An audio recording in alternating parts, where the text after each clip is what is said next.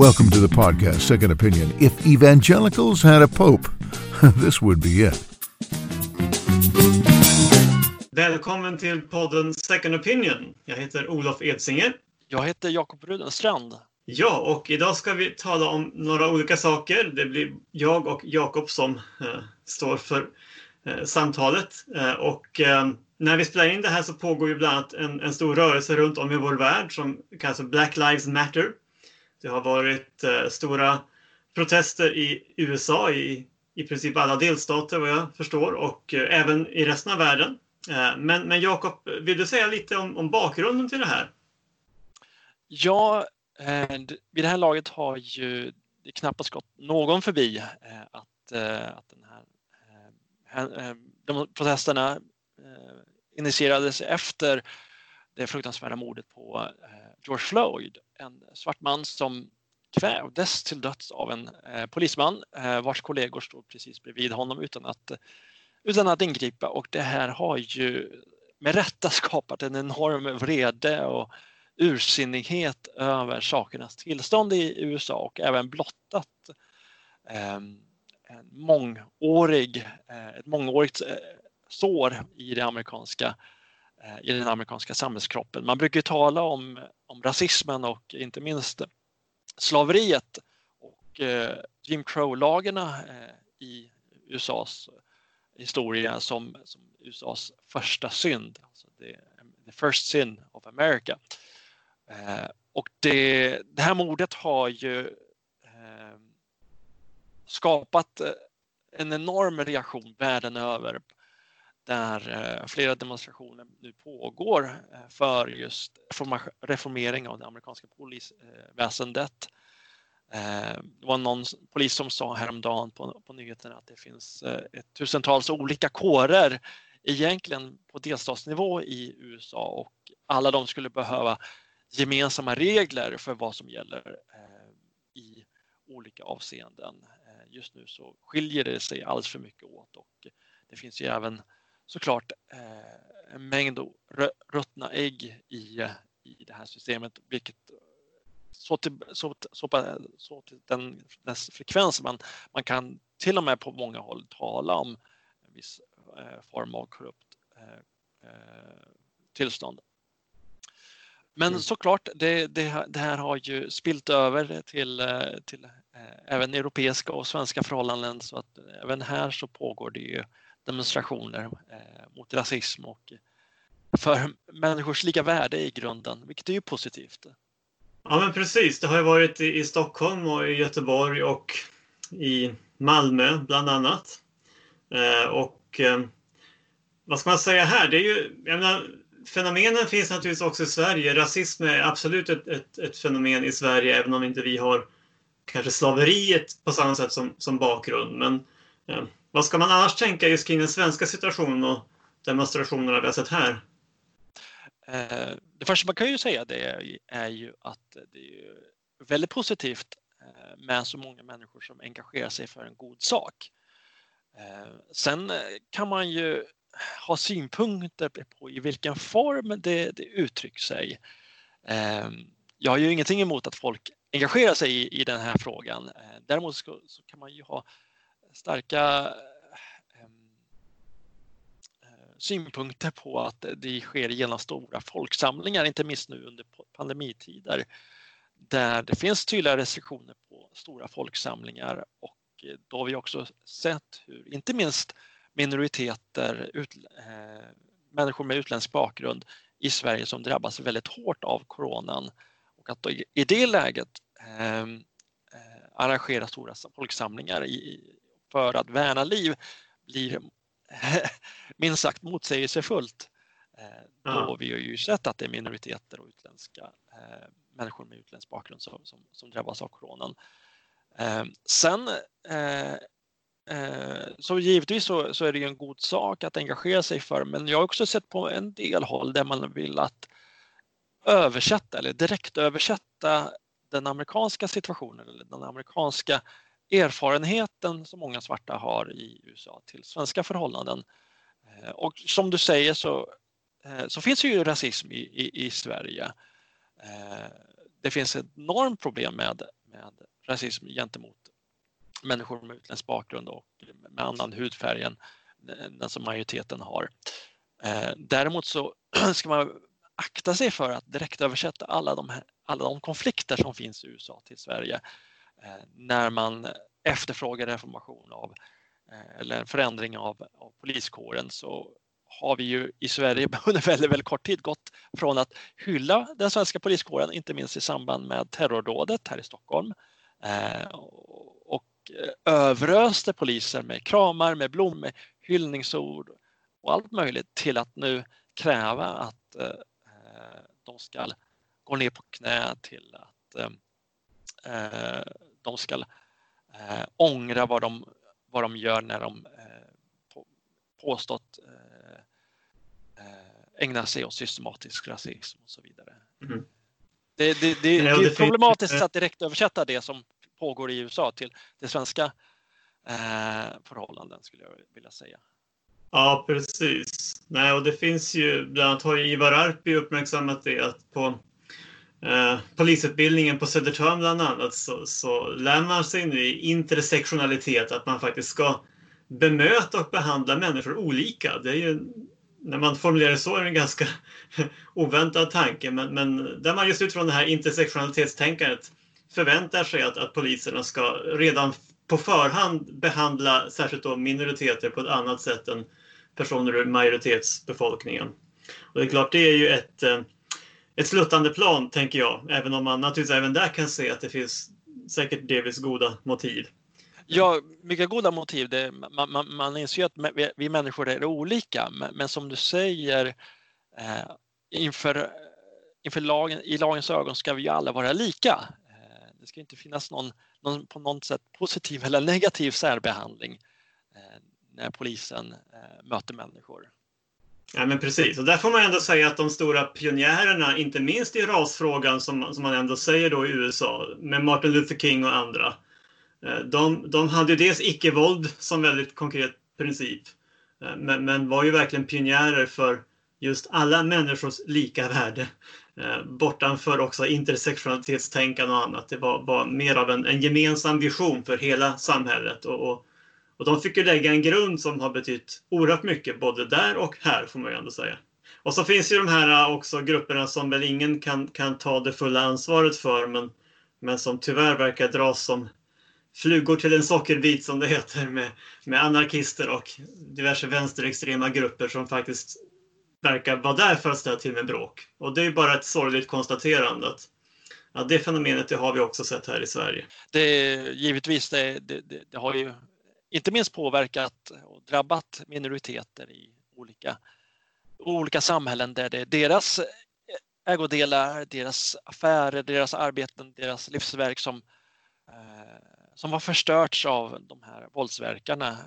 Sen kan man ju också, kan man ju också säga att att eh, ledars, amerikanska ledarskapet har ju upplevt något handfallen i den här situationen. Det, det, var ju i samband med detta så var det ju en väldigt välkänd kyrka eh, bara några meter bort från Vita huset som, som vandaliserades. Eh, jag har gått förbi den kyrkan ett antal gånger när jag, när jag bott i eller varit på besök i Washington och eh, många presidenter har besökt den, den kyrkan och då vid ett tillfälle så gick Donald Trump dit för att vad som tycks vara att, att ha ett antal foton, posera med en bibel och den här, den här, har ju, den här händelsen har ju både hyllats av, av en del kristna och kritiserats starkt av, av en hel del andra kristna.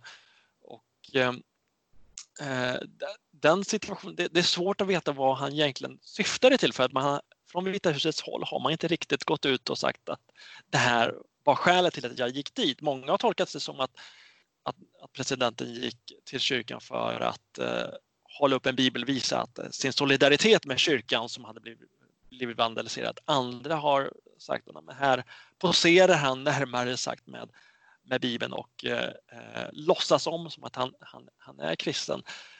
I det här fallet skulle man ju vilja att, att presidenten skulle gått ut och varit mer av en samlande röst. Tyvärr så har ju Donald Trump den, den fallenheten skulle man vilja säga att eh, snarare eh, bidra till mer polarisering än, än att minska polariseringen i den här, i, i den här stora situationen i USA.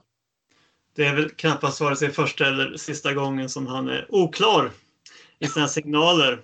En annan ledare vi har är ju då på den här sidan Atlanten, borgmästaren i London, Sadiq Khan, som, som gick ut och, och sa att man ska börja rensa bort gatunamn och minnesskyltar och statyer av personer som har ett kanske belastat eh, CV så att säga kopplat inte minst till slavhandeln och liknande.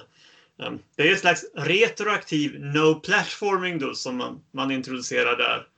Ehm, jag vet inte vad man, vad tänker du kring det?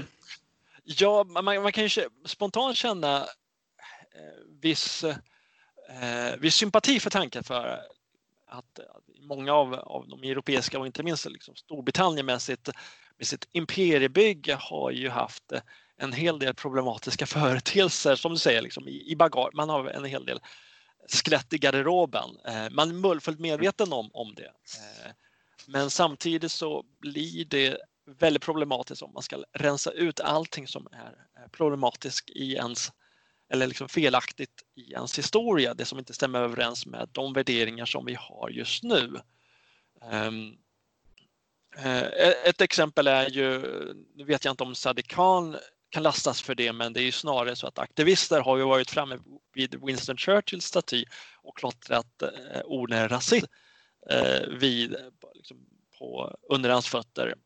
Eh, och eh, det är ingen som kan ju försvara vad Winston Churchill gjorde till exempel i, i relation till Indien och, och när man studerar den, den frågan så upptäcker man att ingen som riktigt kan stötta, stödja den, eh, de handlingarna där. Men Winston Churchill är ju inte så mycket känd som för den händelsen som han är, var för att leda eh, britternas motstånd mot Nazityskland och Hitler. Att han var en av de som tidigt såg att, att Adolf Hitler var eh, skulle innebära ett enormt eh, problem för Europa och för hela den fria världen. Och att mm. utifrån andra värderingar, vissa värderingar som kanske var vanliga för den tiden, lasta honom och säga att liksom, här, här har vi en, en typexempel på rasist, är ju att eh, göra, göra sig själv en otjänst för vad som, för anledningen till att vi har historiska monument och behåller dem är ju inte för att vi i allt delar personernas alla övertygelser utan att markera att det här var en betydelsefull person för vår historia. Nej, verkligen. Och, och, och det, det, finns mycket att tänka kring där. Och, och än en gång, man, man, behöver ju inte på något vis försvara allt en människa har gjort för att tycka att han är värd att, eller hon, är värd att uppmärksamma. Ett, ett bättre exempel på när man kanske korrigerar eh, tidigare försyndelser hos, hos kända personer är ju till exempel den staty av Martin Luther King som finns i Washington DC. Eh, tvärs över Eh, den sjö eh, som hans staty eh, finns på så hittar man Thomas Jefferson-monumentet. Thomas Jefferson var ju en av de första presidenterna i amerikansk historia. Men han var också huvudförfattare till den amerikanska självständighetsdeklarationen och det är ju från hans penna som vi har ju begreppen som att alla människor är födda lika och givna av sin skapare med samma rättigheter och så vidare. Enormt betydelsefull för just den tidens eh, människovärde och frihetsideal och, mm. och kampen mot tyranni och förtryck. Samtidigt så Eh, var ju Thomas Jefferson eh, slavägare. Han hade eh, flera slavar på sitt, vid sitt hem som, som byggde hans hem och odlade hans, på hans mark åt honom. Knappt en, en person som vi idag skulle, skulle säga, tycka var en, en positiv person i den bemärkelsen med allt vårt fördömande av, av slaveri och människohandel.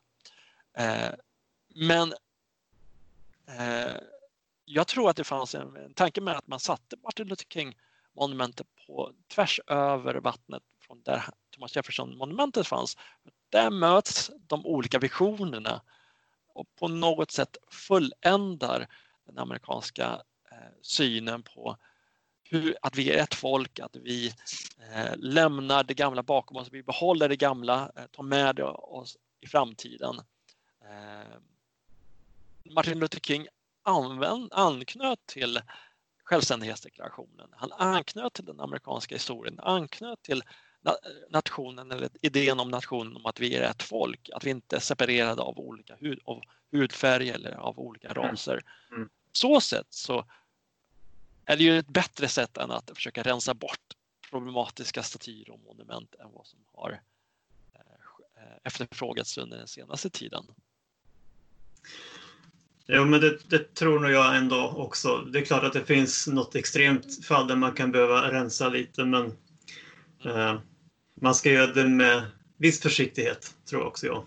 På tal om historia och historiska personer och historiens betydelse för nutida debatter. Du har ju eh, grävt lite djupare under den senaste tiden och eh, eh tittat lite närmare på en av eh, eh svensk filosofis mest betydelsefulla personer, Axel Höger, Högerström.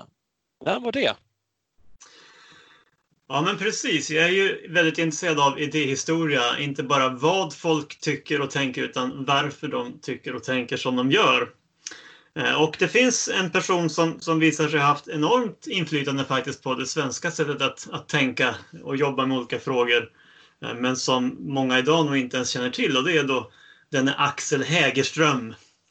Eh, som var professor i filosofi under några decennier i Uppsala.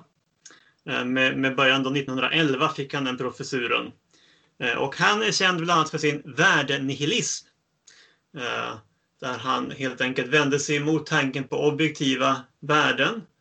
Ehm, och ehm, också sa att det enda som vi så att säga kan, kan räkna med eller fästa någon vikt vid i vårt tänkande och i vårt samhällsbygge, juridik och liknande, det är det som är så att säga helt och hållet inomvärldsligt. Han vände sig mot alla former av metafysik som man ju säger då om sånt som är lite grann utanför kartan. Och metafysik inbegriper också värderingar, så han sa egentligen att det finns inga objektiva värderingar, inga objektiva sanningar, utan det är det som makten säger är sant. I, i, i vårt fall då politikernas majoritet bestämmer. Det är det som inte bara gäller som, som någon slags lag, utan det är det som, som är sant för tillfället. Det, det, det behövs ingen djupare grund än att makten har bestämt det. Och jag tror att det här är tänkandet som har, har präglat Sverige väldigt mycket under stora delar av 1900-talet då inte minst. Man kan ju säga att han var en tidig eh, aktivist för maktanalys eh, och detta har väl påverkat en stor del av, eller liksom figurerar också eh, väldigt mycket i dagens debatter kring, kring identitetspolitik och så vidare. Absolut, det går ju tillbaka på sådana som eh, Marx och Nietzsche. Och Nietzsche fick ju också stort inflytande på hela det postmoderna tänkandet som vi, vi lever i idag till stor del. Um, så som sagt, det går, det går tydliga trådar bakåt. Uh, men förutom då att, att Axel Hägerström var en inflytelserik professor, att han uh, formulerade den här världen nihilismen, um, så fick han ju också flera lärjungar som, som förde det här arvet vidare. Och om vi tittar på juridiken så har vi en man som Wilhelm Lundstedt eh, som också var professor i Uppsala. Han var då professor i juridik och en stor beundrare av Hägerström. Eh, och han förde in just det här värdenihilistiska tänkandet väldigt mycket i svensk rättspraxis och också i vår lagbok. Eh, och det här tycker jag är väldigt intressant för att Sverige sticker ju ut på flera punkter när det gäller just hur vi tänker och kanske särskilt hur vi tänkte kring, kring det här med juridik. Um, om jag ger några exempel bara som kan illustrera hur radikalt det här tänkandet är. Att, uh, om man tar bort all metafysik ur det juridiska tänkandet, då blir till exempel ett begrepp som rättvisa ointressant. För rättvisa menade Wilhelm Lundstedt och Axel Hägerström, det är metafysiskt. Det kan vi inte väga och mäta vad är rättvist för vem och så vidare, utan det blir ointressant. Att en brottsling skulle sona sitt brott det är också en metafysisk tanke. Vadå sona? Inför vem? På vad, vad då för sätt? Ehm, eller att det spelar någon roll vilket uppsåt en brottsling har. Ehm, om jag slår någon i huvudet ehm, i självförsvar kanske det är lika fullt en brottslig handling oavsett vad har uppsåt. Till och med jag tar den här personen eh, i min egen bil och kör till sjukhuset för att hjälpa honom i efterhand. Eh, så påverkar inte det själva påföljden av brottet. För brottet är ju fortfarande samma sak. Jag har slagit någon i huvudet. Eh, och tittar man internationellt så ser man att det här är en helt främmande tanke för många andra rättssystem där man väldigt mycket väger in vad du hade för motiv, vad det finns för bakgrund, orsak, sammanhang kring det hela.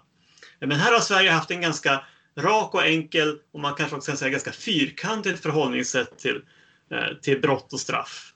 Man skulle kunna kalla den... Ja, nej, vi straffar brottslingar helt enkelt för att det, det ger en bra signal till samhället. Det håller folket i schack så att säga, att de ser att det får den påföljden. Men inte något liksom moraliskt uppfostrande eller sonande syfte egentligen av, av straffen. Man skulle kunna kalla den väldigt materialistisk. Man, man tittar bara på, såklart som du säger, gärningen. Precis. Eh, och det är också därför som man i Sverige är ett av de få länderna i Europa som inte har någon lag som säger att man måste ingripa. Till exempel om någon håller på att drunkna. Eh, hemma där jag bor i Storvreta har vi nyligen haft en, en, en, kille faktiskt som blev räddad av några jämnåriga som höll på att drunkna. Han fick kramp vid vår badplats. Fantastiskt! Och de hyllas ju med rätta som hjältar. Eh, men det som, som skiljer svensk lagstiftning från nästan hela Europa det är att om jag istället sitter på bryggan och dricker min kaffekopp och tittar på när den här killen drunknar så kan ingen straffa mig. Eh, för, för att inte ingripa, det, så att säga, det är inte ett brott. Eh, det är bara en aktiv handling man gör som är ett brott i Sverige. Och det går tillbaka på det här tänkandet som som sagt skiljer sig från stora delar av världen här finns ju också en intressant aspekt när man tittar på eh, nutida debatter. Eh, det har ju kommit från politiskt håll olika förslag om att kanske instifta en lag om civilkurage och så. Och man märker ju att eh, just för att på något sätt signalera att det är rätt att ingripa, det är en plikt att ingripa i, i, olika, i olika sammanhang. Nu mm. senast så var det ju den här britten som ingrep i, vid vandalisering i Göteborg eh, som har, som har med rätta hyllats som en hjälte och man har kunnat se att han ingrep i, eh, mot, mot flera olika fall av eh, man försökte förstöra olika affärer och byggnader och så. Eh, och då ser man ju att det här är ju en väldigt ovanlig företeelse i, i Sverige att, att, att ingripa när någonting är fel. Absolut. Och, och samtidigt är det också intressant att det finns en slags intuitiv beundran hos väldigt många människor när man visar civilkurage i det här fallet och, och faktiskt eh, griper in. Um, men vi har alltså inte stöd i vår lagstiftning för ett sådant agerande.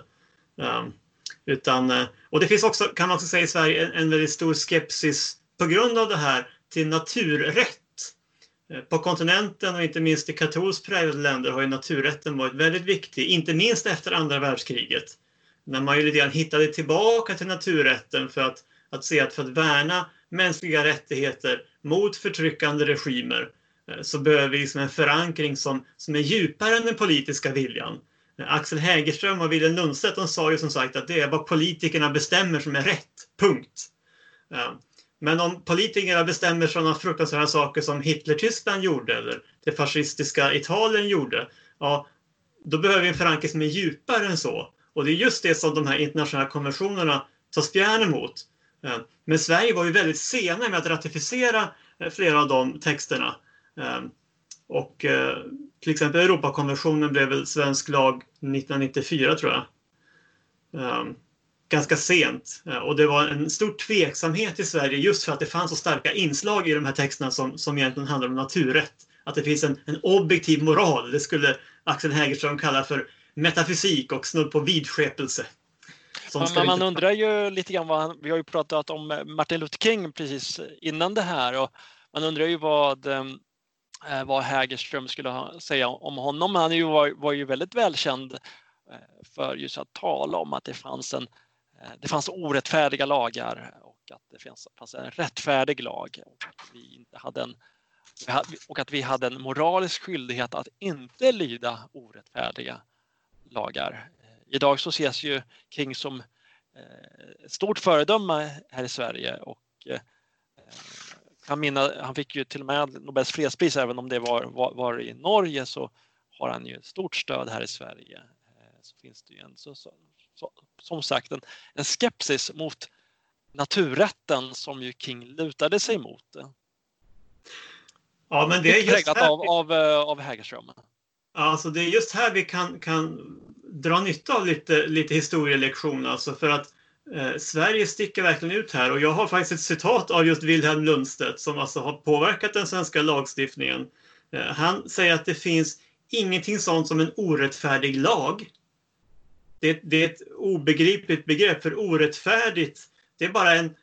Alltså, det är ett metafysiskt omdöme som en lag inte kan ta ställning till. Han säger till och med så här att påståendet att en lag skulle kunna kränka en rättighet är lika meningslöst som en papegojas pladder. Det säger någonting om nivån vi rör oss på. Alltså. Hela tanken att en lag ska kränka en rättighet är som en papegojas pladder. Det är, det är dumheter, det är, det är fånigheter. Det ska inte lagstiftaren överhuvudtaget bry sig om.